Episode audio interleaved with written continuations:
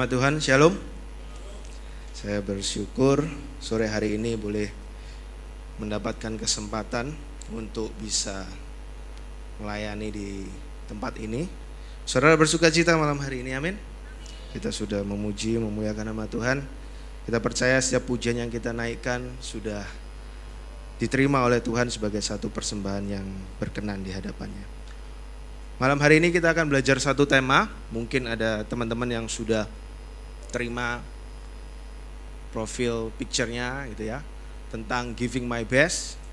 Kalau di minggu-minggu sebelumnya kita sudah belajar tentang minggu pertama bagaimana kita ditaruh Tuhan di dalam dunia ini, into kosmos untuk bisa menjadi berkat, untuk bisa menjadi terang di dalam marketplace kita, di mana pun Tuhan tempatkan kita, baik kita bekerja, sebagai karyawan, mungkin juga ada yang masih menyelesaikan studi, di mana pun Tuhan tempatkan kita. Kita harus bisa menjadi berkat, menjadi terang buat orang-orang di sekitar kita. Dan minggu setelahnya kita juga belajar tentang satu pokok yang luar biasa yaitu tentang integritas. Kita belajar bagaimana kita sebagai anak-anak Tuhan harus punya integritas di dalam marketplace kita, di dalam pekerjaan kita, juga yang sekolah juga kita harus punya integritas supaya kita bisa memancarkan kemuliaan, kita bisa memancarkan Kristus dari kehidupan kita. Dan malam hari ini kita akan belajar satu tema ini bukan band rohani Giving My Best, anak 90-an ya, Giving My Best ini terkenal gitu ya. Tapi kita belajar malam hari ini untuk kita bagaimana kita bisa memberikan yang terbaik yang terbaik yang bisa kita lakukan dari hidup kita di dalam marketplace kita. Di tempat pekerjaan kita, Tuhan sudah tempatkan kita. Mungkin ada yang bekerja sendiri juga, mungkin ada yang masih menyelesaikan kuliah, sudah semester-semester akhir, mau cari kerja nanti. Kita belajar sama-sama biar firman Tuhan malam hari ini bisa menguatkan kita dan bisa membuat kita semakin mengerti dan bisa memberikan yang terbaik di dalam tempat pekerjaan, di mana pun Tuhan tempatkan kita, sehingga nama Tuhan bisa dipermuliakan lebih lagi dari kehidupan kita. Kita buka Alkitab kita sama-sama, dan saya undang kita sama-sama sekali bangkit berdiri, sekali lagi bangkit berdiri, kita menghormati firman Tuhan, kita buka Alkitab kita di dalam Kolose pasal yang ketiga, ayat yang ke-22 sampai ayat yang ke-24. Kolose pasal yang ketiga ayat 22 sampai 24. Demikian bunyi firman Tuhan dan nanti setelah kita baca kita aminkan sama-sama ya. Kolose 3 ayat 22. Demikian firman Tuhan. Hai hamba-hamba, taatilah Tuhanmu yang di dunia ini dalam segala hal. Jangan hanya di hadapan mereka saja untuk menyenangkan mereka, melainkan dengan tulus hati karena takut akan Tuhan. 23. Apa pun juga yang kamu perbuat, perbuatlah dengan segenap hatimu seperti untuk Tuhan dan bukan untuk manusia. 20, 24. Kamu tahu bahwa dari Tuhanlah kamu akan menerima bagian yang ditentukan bagimu sebagai upah. Kristus adalah Tuhan dan kamu adalah hamba-hambanya. Amin. Puji nama Tuhan. Silakan duduk kembali. Dari ayat firman Tuhan ini kita belajar, kita tahu jadi bahwa alasan utama mengapa kita harus memberikan yang terbaik dalam kehidupan kita, apa pun yang kita lakukan adalah karena ini adalah kehendak Tuhan.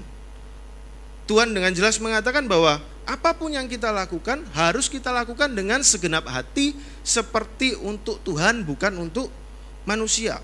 Di dalam 1 Korintus 10:31, apa pun yang kita lakukan Biarlah semua itu kita lakukan untuk kemuliaan nama Tuhan. Jadi itu merupakan kehendak Tuhan.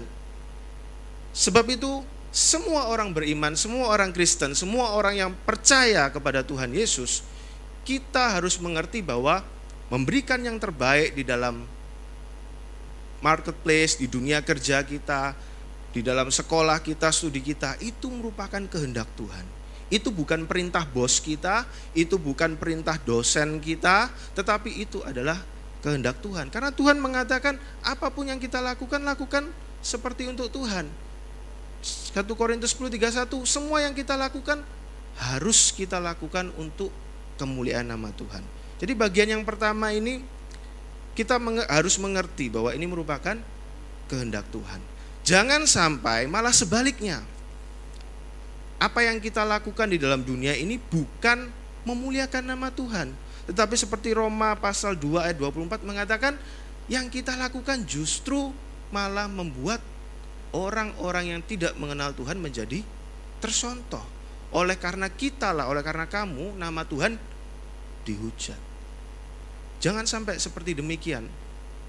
Karena kita tidak bisa melakukan segala sesuatu yang ditanggung jawabkan kepada kita yang menjadi tanggung jawab kita dengan baik, akhirnya orang yang melihat oh, orang Kristen kok malah asal-asalan dalam bekerja. Orang Kristen kok malah kalau datang gak lebih on time dari orang yang belum mengenal Tuhan. Malah mungkin datangnya masuk kerja biasa kan jam 8, datang jam 8.15, 8.20. Terlambat, terlambat, terlambat. Tidak menjadi kesaksian yang baik. Sebab itu hal yang pertama yang harus kita tahu bahwa adalah kehendak Tuhan kita harus memberikan yang terbaik di mana Tuhan tempatkan kita. Ya, jangan sampai malah menjadi sebaliknya, menjadi batu sontohan. Dan di dalam Kolose 3 ayat 23 sampai 24 ini kita belajar bahwa memberi yang terbaik itu saya rangkum menjadi dua dari Kolose 3 ayat 23 ini. Yang pertama, bagian yang kedua ya, kita belajar. Memberi yang terbaik itu dimulai dari ketaatan. Di dalam ayat yang ke-22 dikatakan, "Hai hamba-hamba, taatilah Tuhanmu yang ada di dalam di dunia ini dalam segala hal, jangan hanya di hadapan mereka saja untuk menyenangkan mereka." melainkan dengan tulus hati karena takut akan Tuhan. Memberikan yang terbaik dimulai dari ketaatan. Dalam bekerja, level ketaatan kita tuh sampai mana? Level ketaatan kita sampai mana? Apakah kita taat hanya karena ada yang melihat kita? Hanya karena ada yang mengawasi kita? Saya punya cerita yang menarik gitu ya di tempat saya bekerja setiap bulan itu biasanya kepala-kepala bagian itu disuruh ke Jakarta ketemu sama pimpinan di situ sama BOD di sana untuk meeting gitu. Jadi di kantor itu kadang-kadang ada satu dua manajer yang tidak ikut, kepala bagian yang nggak ikut, tapi terkadang juga semua ikut semua gitu ya. Jadi di kantor itu tidak ada kepala bagiannya, sama sekali tidak ada. Yang ada cuman ya sampai level supervisor itu tidak ikut jadi ada di kantor. Yang lucunya itu begini saya terima terima terima kabar gitu dari salah, satu rekan di kantor gitu ya. Kalau kepala bagiannya itu nggak ada para manajernya itu nggak ada semuanya itu pada pulangnya tengber semua gitu jadi mungkin jam 5 kurang 5 itu sudah mulai ngeringkesi barang gitu ya masukin barang pelan-pelan gitu Nanti jam 5 tet langsung jalan. Absen semua, kling gitu, pulang hilang. Tapi kalau para kepala bagiannya ada, wah, tidak ada yang pulang temper, tidak ada yang berani pulang temper gitu ya. Saya lihat sendiri kalau misalnya semua ada lengkap gitu di kantor, jam 5 lebih 10 wah masih ngerjain yang lain gitu. Masih belum selesai kerjaannya. Tapi kalau nggak ada semua, semua dilakukan jam 5 tank sudah absen, pulang, hilang gitu. Kantor itu langsung sing sepi. Kalau ada manajernya, ada kepala bagiannya, masih rame, jam 5 lebih 10, 15 masih rame. Setengah 6 pun kadang masih rame gitu ya. Tapi kalau nggak ada, jam 5 lebih 5 gitu lah ya. Sepi, hening gitu. Apakah level ketaatan kita itu hanya sampai seperti itu? Kita cuma takut, kita cuma pengen dinilai sama atasan kita. Ya memang tentu pulang kantor tank itu juga nggak salah karena sesuai jam kantor gitu ya. Tetapi kalau dilakukan hanya karena ingin dilihat ya pulang lebih terlambat karena ingin dilihat itu jadi sesuatu yang tidak tulus. Jadi sesuatu yang dibuat-buat. Demikian juga dengan ketaatan. Apakah kita taat sama pemimpin hanya karena supaya gaji kita dinaikkan. Tidak salah. Tidak salah. Tetapi tidak tepat 100%. Tuhan Yesus mengaj uh, Tuhan mengajarkan kepada kita taat itu dengan tulus karena takut akan Tuhan. Jadi kalau tidak ada yang mengawasi pun kita tetap taat, kita tetap lakukan yang menjadi tanggung jawab kita dengan sungguh-sungguh. Level ketaatan kita harus sampai seperti itu. Baru kita bisa memberikan yang terbaik di dalam pekerjaan kita, dalam menyelesaikan tanggung jawab kita. Kalau tidak bisa, kita tidak akan bisa memberikan yang terbaik. Karena harus ada yang ngawasi baru kita lakukan dengan sungguh-sungguh. Dan dikatakan di situ kita harus takut dengan eh, taat dengan tulus karena takut akan Tuhan. Kalau kita bisa sampai ke level itu di dalam pekerjaan kita, kalau ada hal-hal yang mungkin bertentangan dengan firman Tuhan, karena kita taatnya itu karena kita takut akan Tuhan, kita tidak akan kerjakan itu. Kita tidak akan mau terlibat di sana. Ya, tentang integritas kita sudah belajar juga tentang hal ini. Ada hal-hal di dalam pekerjaan yang sering kali itu bisa membuat kehidupan rohani kita semakin jauh dari Tuhan. Saya punya pengalaman ketika saya harus pindah pekerjaan.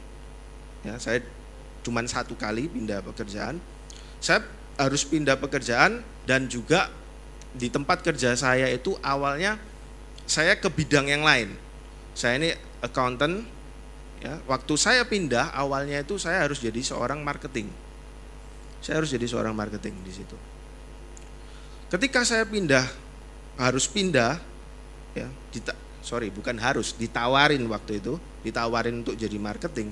Saya sempat berpikir panjang gitu karena terkenal gitu ya di dalam lingkup perusahaan kami itu ada beberapa perusahaan seorang sales marketing itu pergaulannya jelek. Pergaulannya jelek.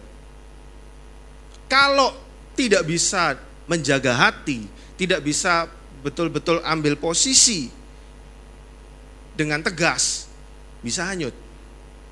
Saya sempat konsultasi ke beberapa ya pemimpin rohani, saya tanya, saya berdoa dan saya merasa diteguhkan, oke okay, pindah. Setelah saya pindah, ternyata Tuhan memang punya rencana gitu. Saya waktu pindah ke tempat pekerjaan saya yang baru, saya hanya satu bulan di sales marketing itu di bagian marketing dan berikutnya satu bulan eh, bulan berikutnya itu Tuhan pindahkan saya dengan luar biasa ajaib caranya kembali lagi jadi accountant sampai sekarang gitu ya. Itu satu pertolongan Tuhan. Dan ketika itu memang uh, saya punya satu prinsip gitu ya. Kalau di tempat kami itu kalau seorang sales marketing itu harus bisa minum. Harus bisa minum, bukan minum air. Kalau minum air ya semua bisa gitu ya. Harus bisa minum minuman beralkohol seperti itu. Karena untuk menemani klien ataupun kalaupun tidak menemani klien, bos-bosnya itu semua pada minum semua. Nah mungkin kita berpikir lah kalau minum sedikit kan nggak apa-apa. Saya pernah ngobrol gitu sama satu teman gitu di, di tempat kita juga. Loh kan nggak apa-apa tuh kamu minum kan selama kamu nggak mabuk. Tapi saya punya prinsip dan saya punya uh, pegang teguh bahwa yang salah itu bukan di dalam minum kalau minum wine sedikit juga nggak nggak apa-apa tetapi yang saya jaga itu adalah pergaulannya. Sekali sudah masuk di sana, minum sedikit aja, udah mulai dicekokin terus gitu. Saya jaga di situ dan Tuhan tolong, Tuhan pindahkan saya, nggak sampai. Eh ternyata setelah itu dalam perjalanan saya karena bos-bos saya juga jago minum, doyan minum, saya tetap ditawarin saudara, tetap ditawarin. Tetapi karena saya tahu kalau saya mulai masuk berikut-berikutnya jadi mulai dari minum-minum gitu ya dan selanjutnya selanjutnya nggak tahu sampai ke mana-mana sudah itu banyak cerita-cerita yang kita sebagai orang Kristen cukup mengerikan gitu kalau uh, kita dengar uh, pengalaman-pengalaman atau kehidupan-kehidupan seperti itu gitu ya kalau saya teruskan saya tetap jaga tetap jaga tetap jaga saya tolak baik-baik dan sempat saudara, sempat. Sempat. Selang dua tahun saya di tempat baru saya, bosnya itu masuk bos baru. Paling jago minum, terkenal paling jago minum gitu ya. Terkenal paling jago minum. Saya ditawarin tidak mau, tidak mau. Selama satu tahun saya seperti diasingkan. Saya seperti diasingkan. Kayak nggak dianggap gitu. Ada ada uh, meeting untuk ya satu meeting yang cukup penting saya nggak diajak satu tahun saya diasingkan tetapi apakah Tuhan tinggal diam enggak selama kita tetap mengerjakan bagian kita dengan taat dengan sungguh-sungguh pekerjaan kita kita selesaikan dengan sungguh-sungguh kita lebih takut sama Tuhan kita taatnya karena kita tulus hati karena takut akan Tuhan kita nggak menyimpang kita bukan cuma taat sampai level manusia karena ingin dilihat. Tapi level ketaatan kita karena kita takut akan Tuhan dengan hati yang tulus. Bosnya nggak suka sama saya ya sampai sekarang ya tetap jadi bos saya dan puji Tuhan masa-masa kelam saya bisa terlewati. Dia nggak nggak nggak mengasingkan saya terus-terusan. Ternyata sampai sekarang saya juga nggak dipecat walaupun saya tetap nggak minum gitu ya. Itu satu pertolongan Tuhan dan kita harus punya level ketaatan sampai ke situ. Taat karena takut akan Tuhan, lebih daripada takut karena manusia. Jadi ini yang harus kita pegang. Daniel 6. Di situ cerita tentang Daniel eh, tentang Sadrah, Mesa Abednego. Ketika mereka dihadapkan kepada satu tantangan, satu challenge untuk menyembah patung raja atau dilempar ke dalam dapur perapian. Mereka tetap punya pendirian yang teguh. Mereka tetap punya pendirian yang teguh. Kita juga harus punya posisi dan sikap hati seperti itu. Jadi tak memberikan yang terbaik dimulai dari ketaatan. Level ketaatan kita harus semakin meningkat. Sebab kita tidak hanya taat supaya dilihat oleh orang, tapi lebih daripada itu kita mau menyenangkan hati Tuhan. Amin. Lalu bagian yang ketiga.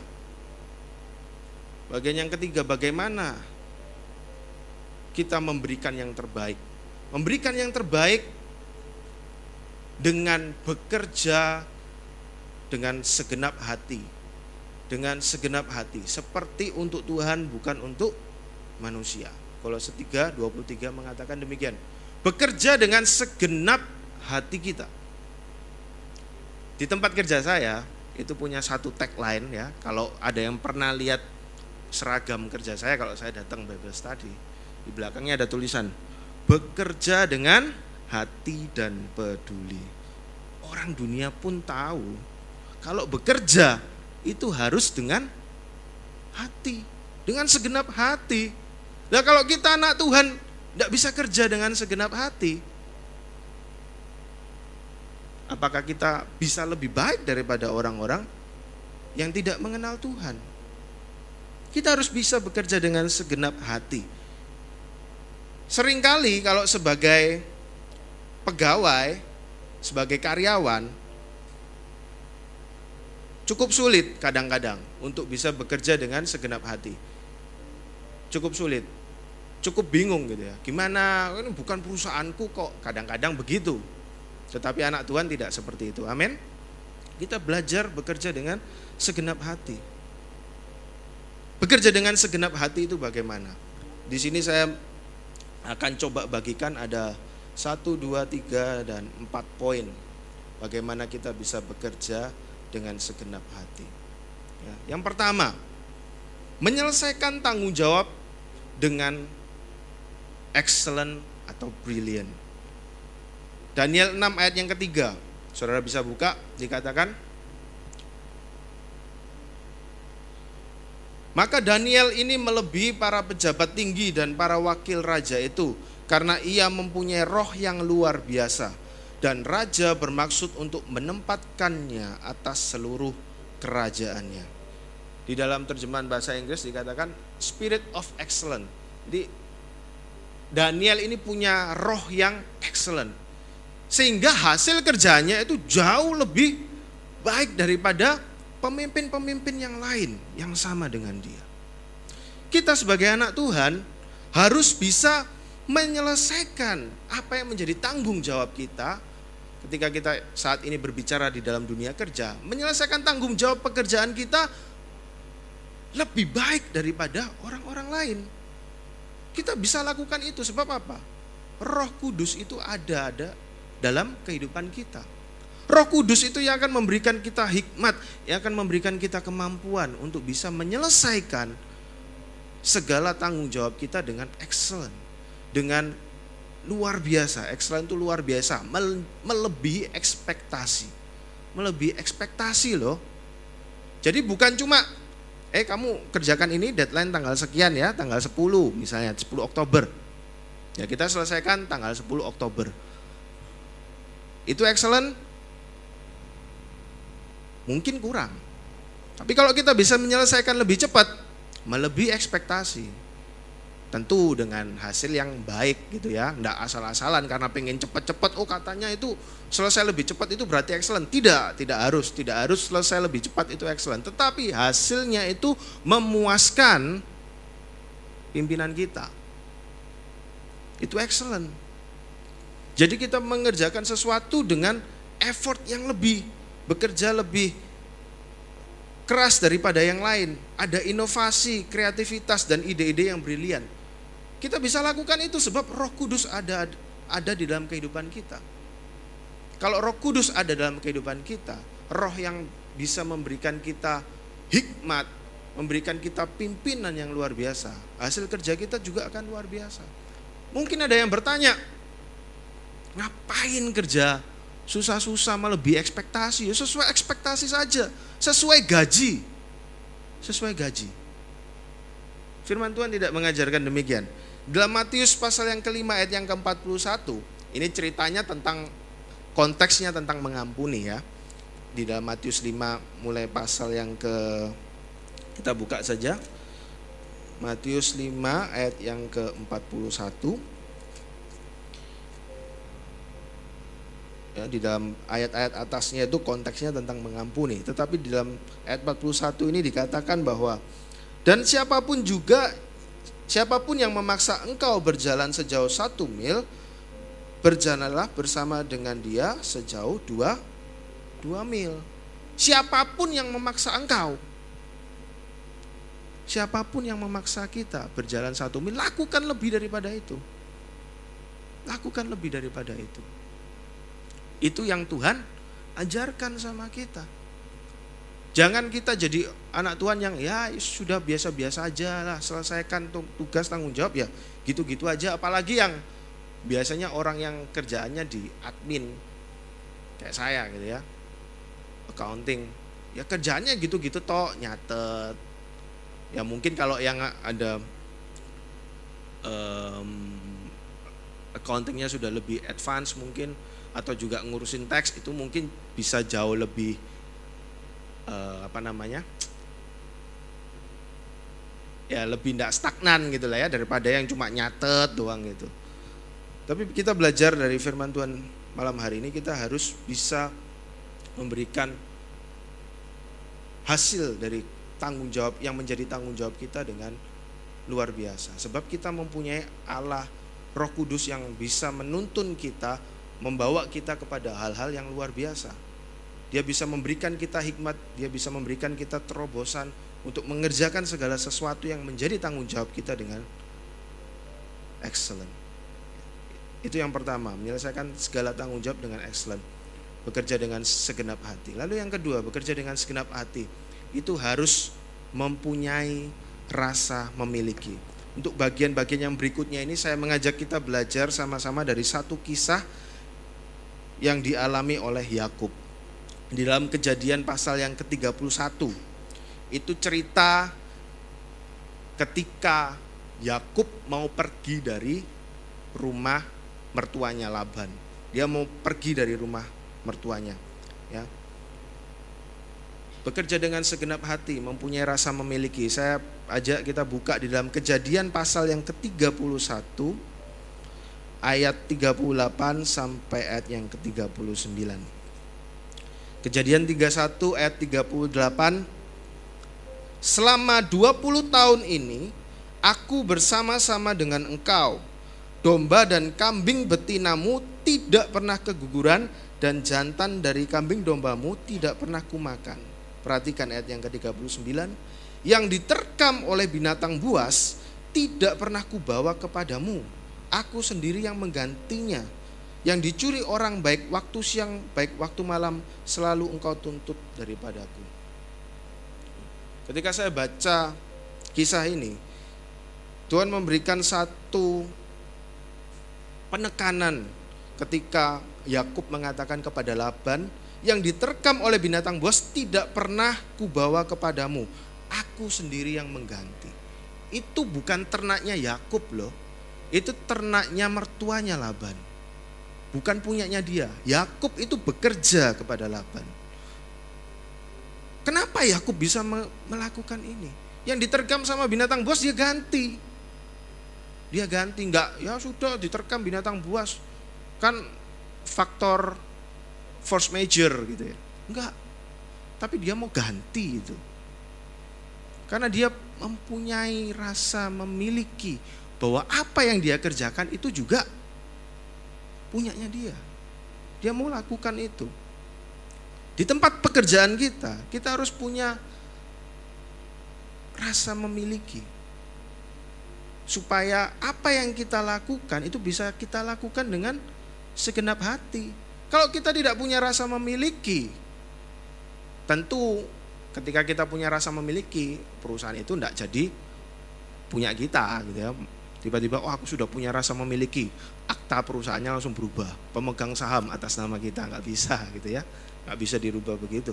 Tetapi ketika kita punya rasa memiliki terhadap tempat pekerjaan kita, kalau yang bekerja sendiri lebih gampang ya pasti itu pasti punya punya kita. Kita pasti akan mikir gitu.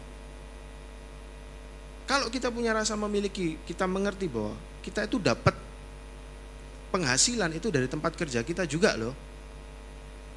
Kalau perusahaan kita keganggu, nggak bisa bayar gaji, yang kena imbasnya juga kita juga. Ya bosnya juga kena, tapi kita juga kena.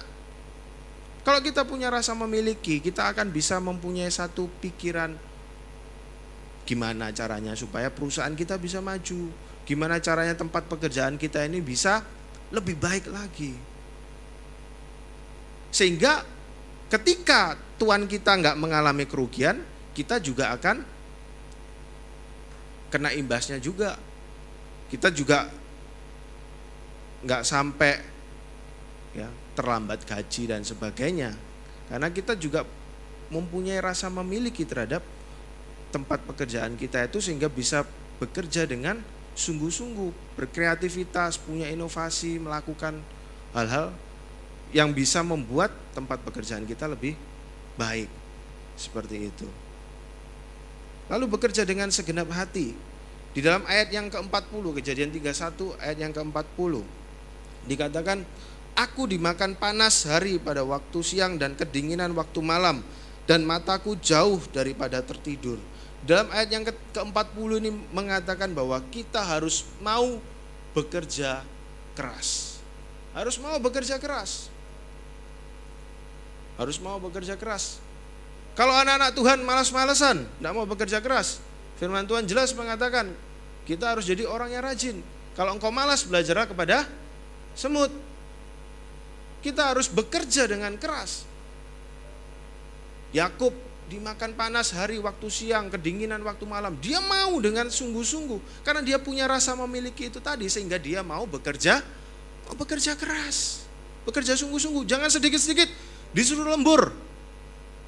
Hitungan, wah males lembur, nggak enak, uang lemburnya kurang banyak. Di tempat pekerjaan saya, kalau staff itu masih dapat lembur.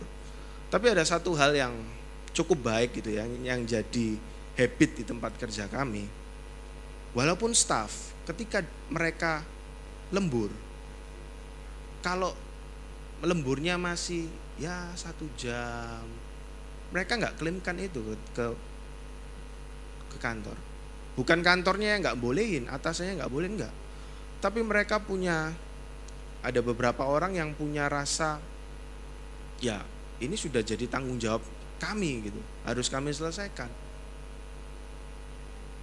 Mereka mau bekerja keras dan orang-orang yang seperti ini mereka juga eh, dari kantor juga dari atasan-atasan juga mengapresiasi orang-orang seperti ini. Ya, jangan sampai kita anak Tuhan malah jadi orang yang malas, tidak mau bekerja dengan sungguh-sungguh, tidak mau bekerja dengan keras. Lalu yang keempat, dengan segenap hati. Itu bagaimana?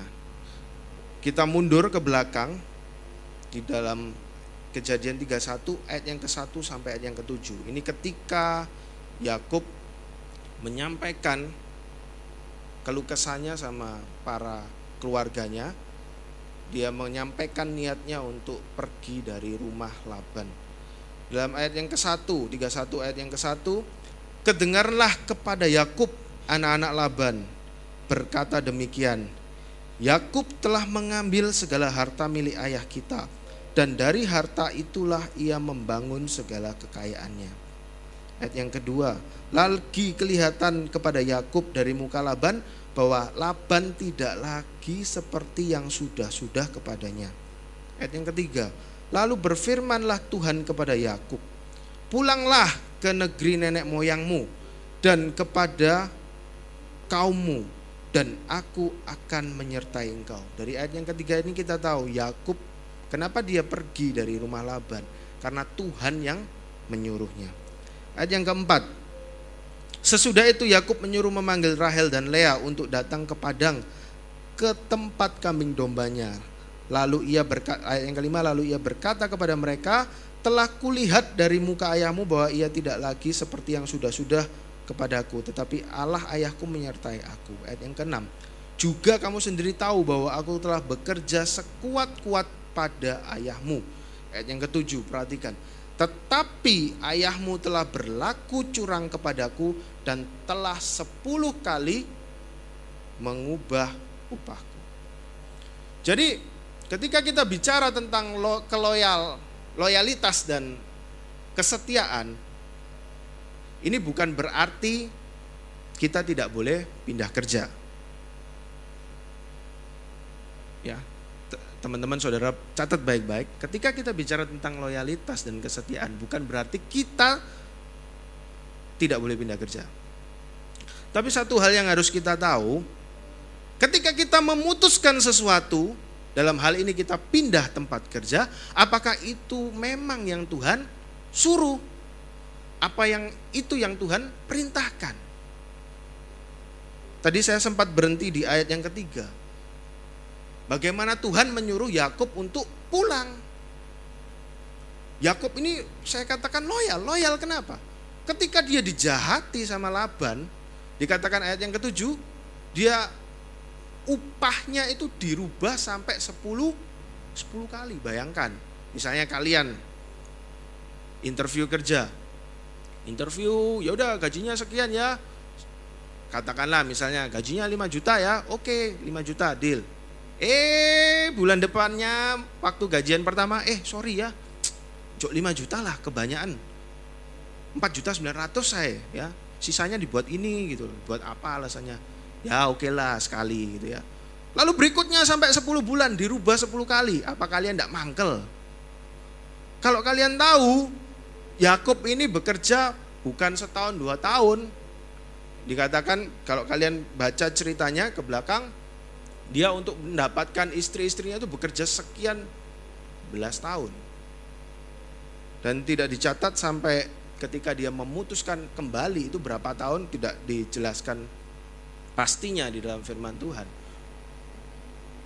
Jadi kita harus tahu bahwa kita harus punya satu keloyalan terhadap tempat kita bekerja tidak gampang-gampang memutuskan pindah. Sebulan pindah, dua bulan pindah kerja, tiga bulan sudah pindah sekian banyak pekerjaan.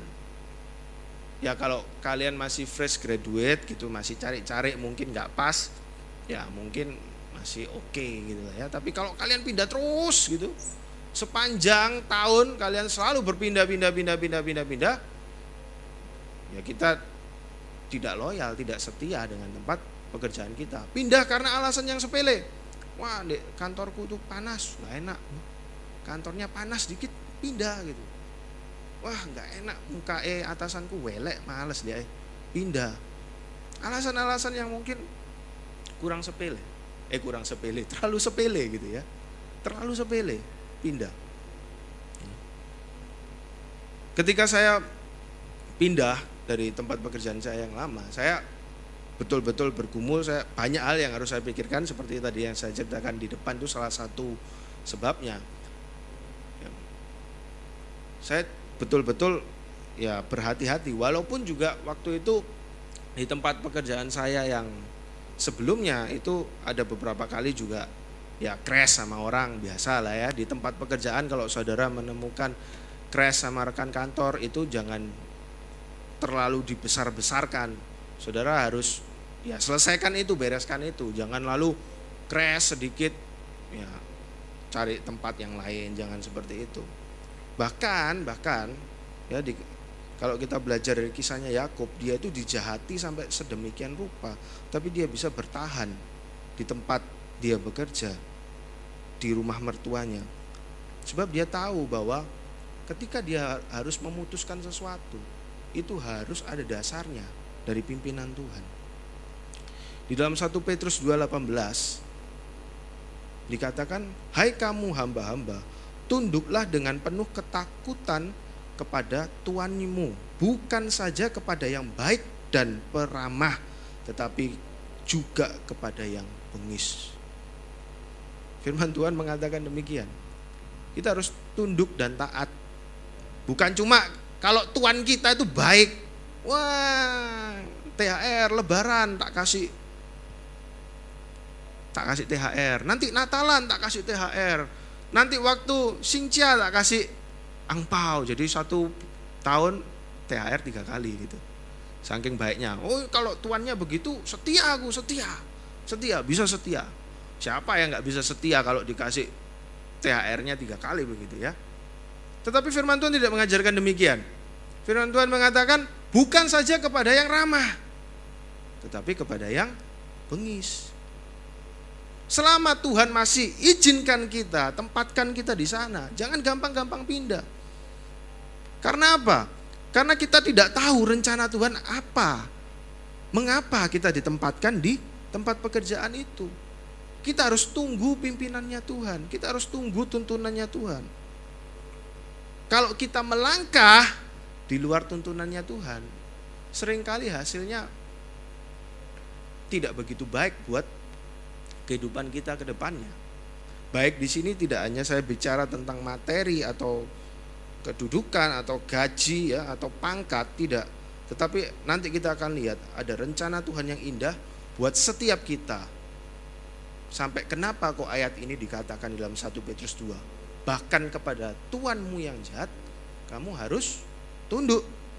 Kita nanti akan lihat. Jadi itu ada empat hal yang bisa kita lakukan ya.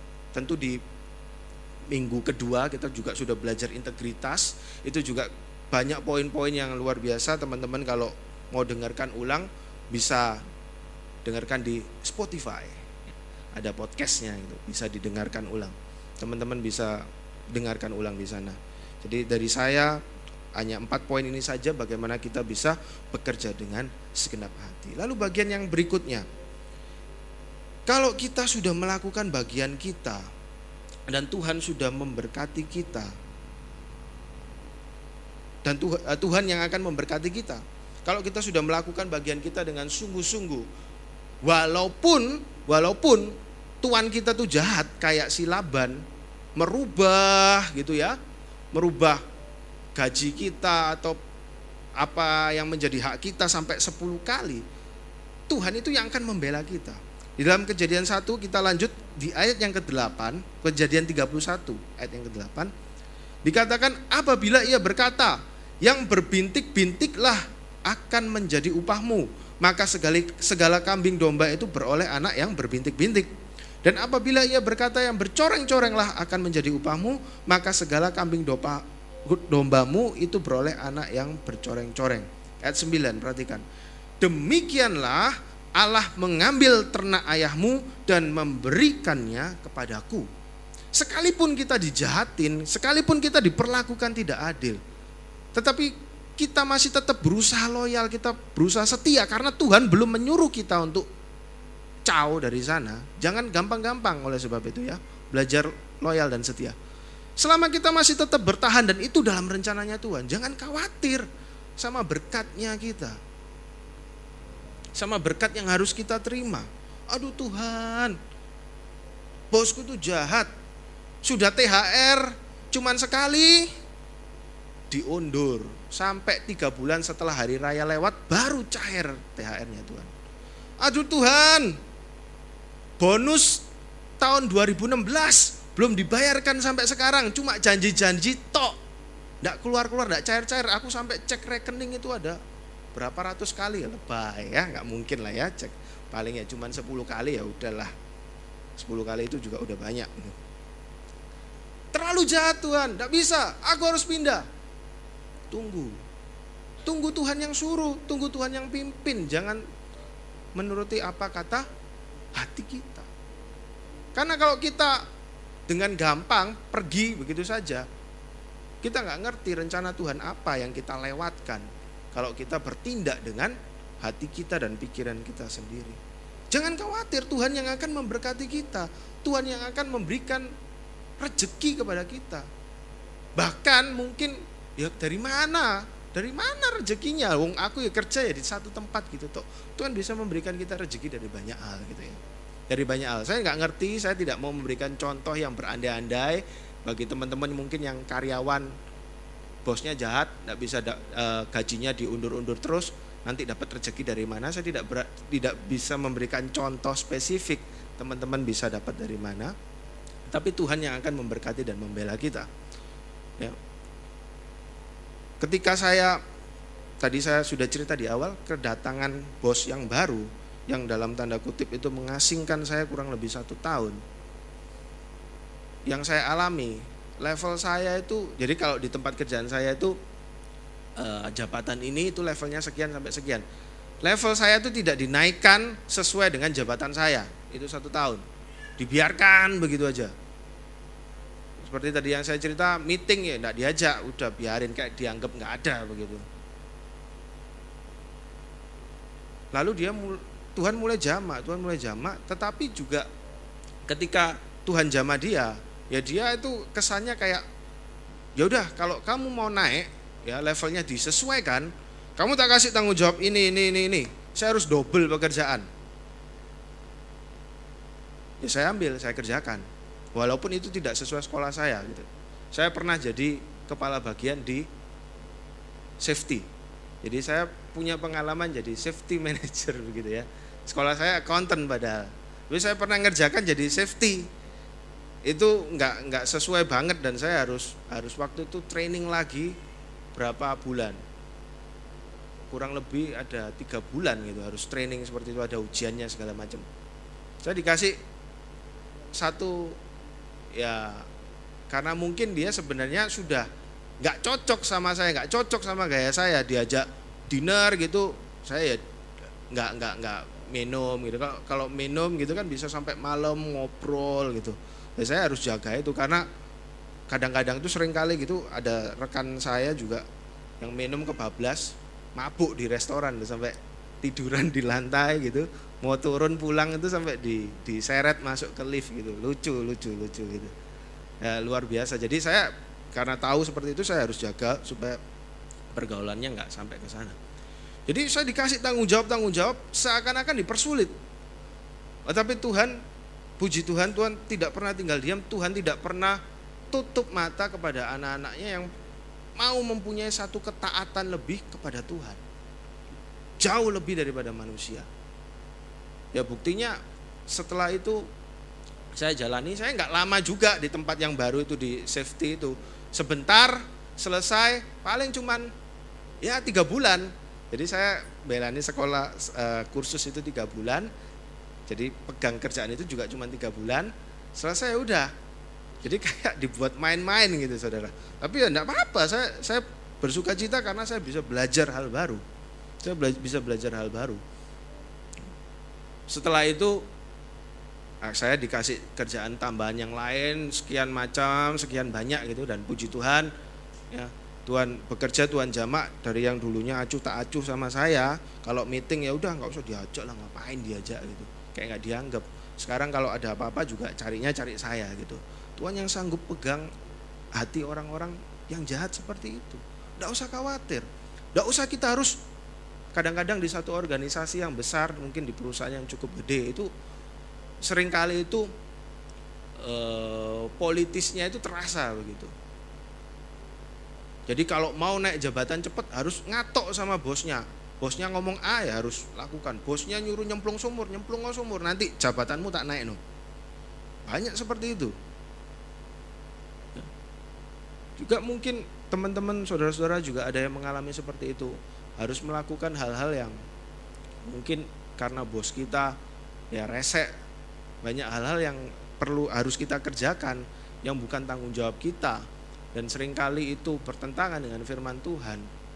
Kita perlu minta pimpinan Tuhan, nikmat Tuhan untuk bisa ngomong baik-baik, kita tolak dan kita harus buktikan itu dalam apa? Dalam pekerjaan kita. Jangan jangan kita tolak, tidak mau, tapi kita tidak buktikan di tanggung jawab kita yang harus kita lakukan semestinya malah berantakan ya kita malah akan ditendang gitu ya, dibuang seperti itu.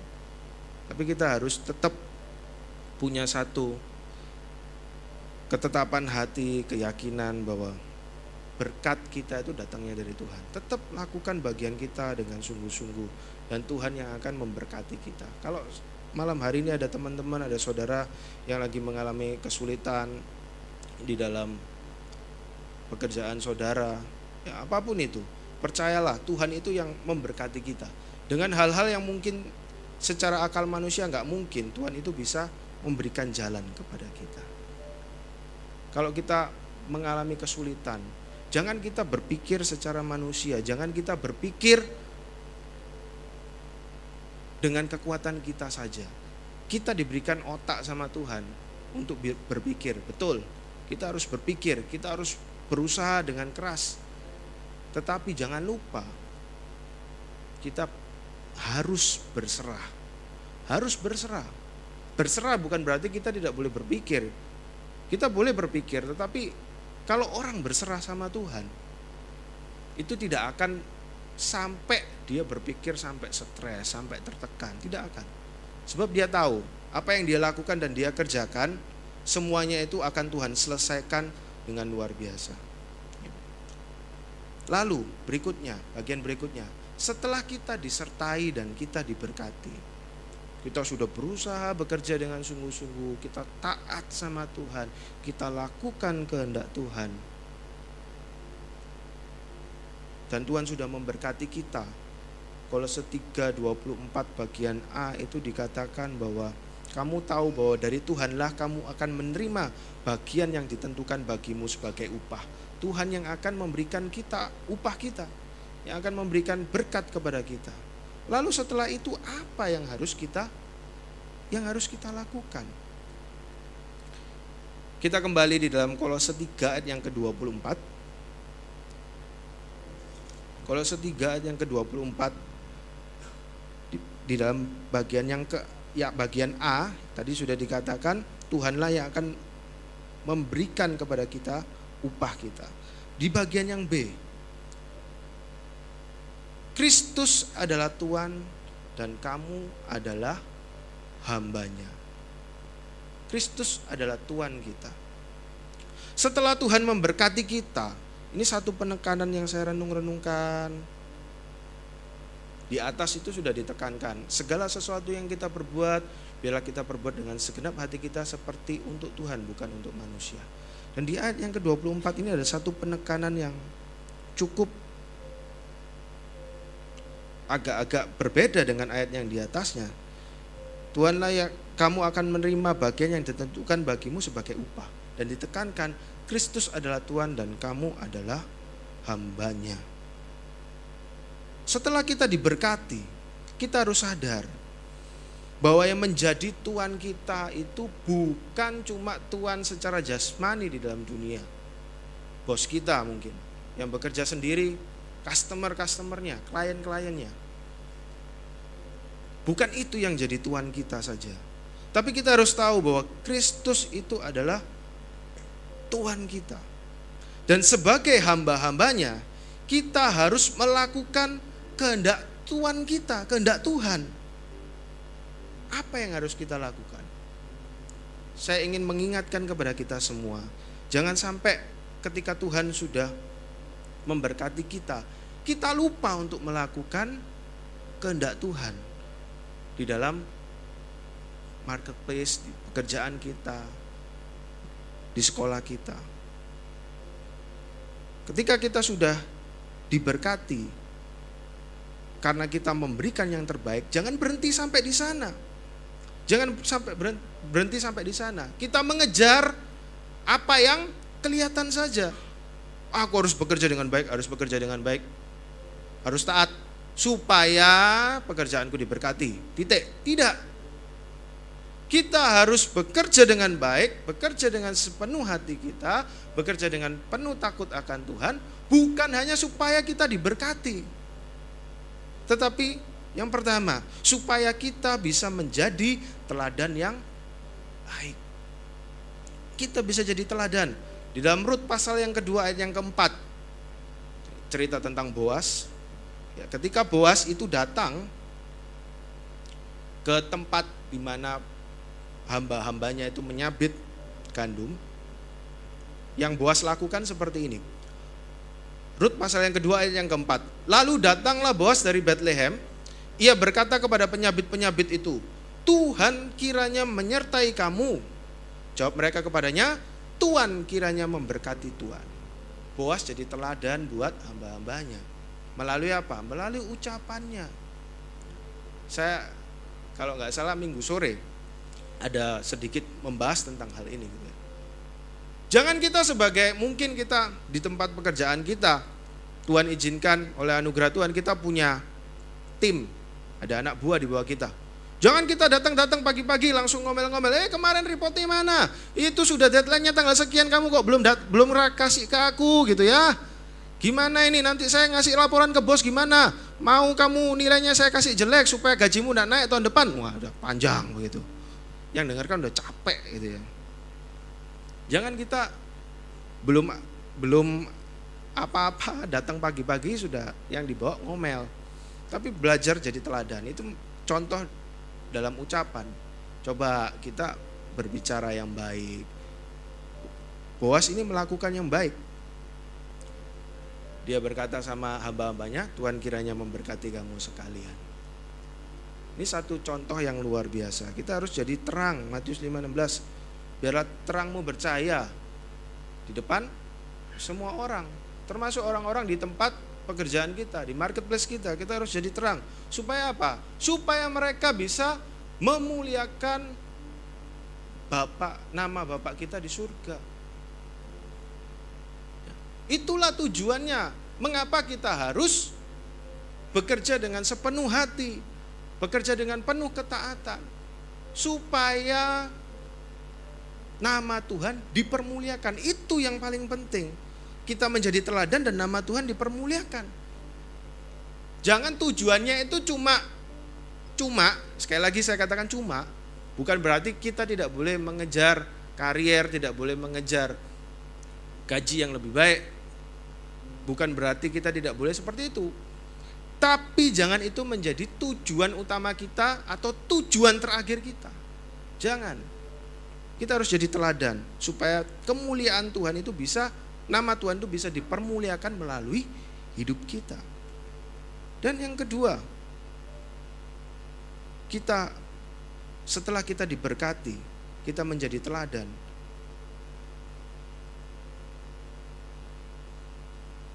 Kita diberkati juga harus bisa kita pakai untuk apa?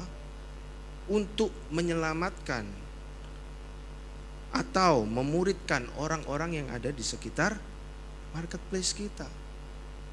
Kalau bahasa Bapak Gembala kan tidak pakai marketplace, bahasanya panci gitu ya. Dalam panci kita, di sekitar kita. Orang yang sering kita temui ya teman-teman di kantor kita. Kalau saya hitung-hitung saya di kantor mulai jam 8 sampai jam 5. Saya di rumah mungkin sampai rumah sekitar jam 7. Jam 9 si Caleb sudah harus tidur. Gitu ya. Paling cuma 2 jam di kantor 8 jam waktu yang banyak. Kalau kita nggak bisa memakai waktu itu untuk mungkin memberitakan keselamatan buat orang-orang di sekitar kita atau memuridkan mereka Matius 28 kan mengatakan apa? Pergilah jadikanlah semua bangsa muridku dan baptislah mereka dalam nama Bapa, Anak dan Roh Kudus. Memuridkan. Mungkin di tempat kerja kita ada yang di sini tempat kerjanya Hampir semua sudah Kristen. Tidak semua orang Kristen itu sudah menjadi murid. Pengalaman saya di tempat kerja ketika saya pindah ke tempat kerja yang saya yang baru itu di satu kabupaten yang dekat sama Surabaya dan di tempat kerja saya itu waktu saya pertama kali masuk mayoritas ya bukan mayoritas hampir semuanya itu belum mengenal Tuhan. Hampir semuanya belum mengenal Tuhan. Semuanya dari agama yang lain ya. Dari agama seberang. Nah saya bingung. Ini mesti ngomong kayak gimana gitu ya. Harus tiba-tiba masuk eh sini nih kamu tak doain gitu. Mau percaya Tuhan. Ya saya bisa jadi omongan satu pabrik juga gitu ya. Tapi seiring berjalannya waktu eh di tempat kerja kami itu muncul anak-anak yang baru, anak-anak yang baru yang uh, ada yang Kristen, juga ada yang sudah percaya Tuhan, tapi dari denominasi yang lain, juga ada yang sudah percaya Tuhan tapi belum sungguh-sungguh, hampir-hampir tidak pernah ke gereja, dan ada satu teman kita di kantor itu juga orang tuanya masih terikat dengan ya penyembahan berhala dan juga perdukunan saya belajar jadi berkat buat mereka. Saya cerita sama mereka. Ada teman kami yang mas yang sudah Kristen tetapi dari denominasi yang lain belum penuh Roh Kudus. Saya cerita, saya cerita ada dua orang. Yang satu akhirnya mau. Yes, mau kok. Di mana? Di sini. Hari hari apa? Hari hari hari Senin kita ada doa kepenuhan Roh Kudus. Datang, datang tiga kali dan puji Tuhan akhirnya dia dipenuhi Roh Kudus yang ketiga kalinya. Saya cerita terus, saya coba bimbing dia terus. Yang masih belum sungguh-sungguh, saya juga aja, saya aja sempat datang gitu. Saya share banyak ke dia. Ya, tapi karena dia akhirnya pindah pindah kota, dia kembali ke kota asalnya gitu ya karena dia orang daerah dia balik ke sana ke Jawa Tengah ya udah. Tapi saya tetap berusaha kontak sama dia. Dan itu yang coba saya kerjakan coba saya kerjakan. Jadi kita perlu mengerti bahwa kalau kita sudah menerima berkat kita sudah diberkati jangan berhenti sampai di sana. Jangan kita hanya stop. Oh sudah diberkati. Kita nikmati. Kita nikmati. Oh aku sekarang sudah enak. Sudah enak. Ini sudah jadi mungkin kepala kepala apa ya, ya kepala pabrik misalnya begitu. Sudah jadi direktur. Oh sudah enak. Saatnya menikmati. Pelayanan ya kurangilah dikit-dikit. Kapan waktu buat keluarga? Tentu harus atur waktu buat keluarga. Tetapi jangan kita berhenti sampai di sana berapa banyak anak-anak Tuhan kalau dia sudah diberkati kalau dia sudah menikmati apa yang dia dapatkan, apa yang dia impikan, dia cita-citakan, sudah lupa semuanya. Dia tidak lagi sungguh-sungguh tidak lagi ngotot melayani Tuhan, tidak lagi ngotot mengerjakan kehendaknya Tuhan. Tidak lagi melihat orang-orang di sekitarnya yang perlu mungkin nasihat kita, perlu bimbingan kita. Kita coba lakukan apa yang ingin Tuhan lakukan dalam kehidupan kita. Kita harus kerjakan apa yang jadi visinya Tuhan. bukan cuma visinya kita. Menerima berkat selesai, tidak. Belajar jadi saksi yang baik buat orang-orang di sekitar kita. Belajar bersaksi, membimbing mereka, menuntun orang-orang di sekitar kita yang perlu tuntunan. Oleh sebab itu, ya, bekerjalah dengan penuh ketaatan dengan segenap hati, sebab itu merupakan kehendak Tuhan. Tuhan yang akan turun tangan dan memberkati kita. Namun, jangan hanya ingat dan mengejar berkat jasmaninya saja. Tapi kita harus tahu dan mengerti akan tujuan mengapa Tuhan menyertai dan memberkati kita. Yaitu supaya apa? Supaya kita bisa jadi teladan, kita bisa jadi terang, kita bisa menyelamatkan dan memuridkan orang-orang di sekitar kita, orang-orang di dalam marketplace kita. Sehingga apa? Sehingga Tuhan akan terus menyatakan penyertaannya yang luar biasa itu di dalam hidup kita, dalam marketplace kita lebih akan diberkati kita kalau kita mau terus lakukan kehendak Tuhan. Karena kita harus mengerti dan mau giving my best itu bukan cuma untuk perkara-perkara yang ada di dunia, tetapi juga untuk perkara-perkara yang kekal. Kita giving my best untuk Tuhan. Menjadi berkat buat orang-orang di marketplace kita. Amin.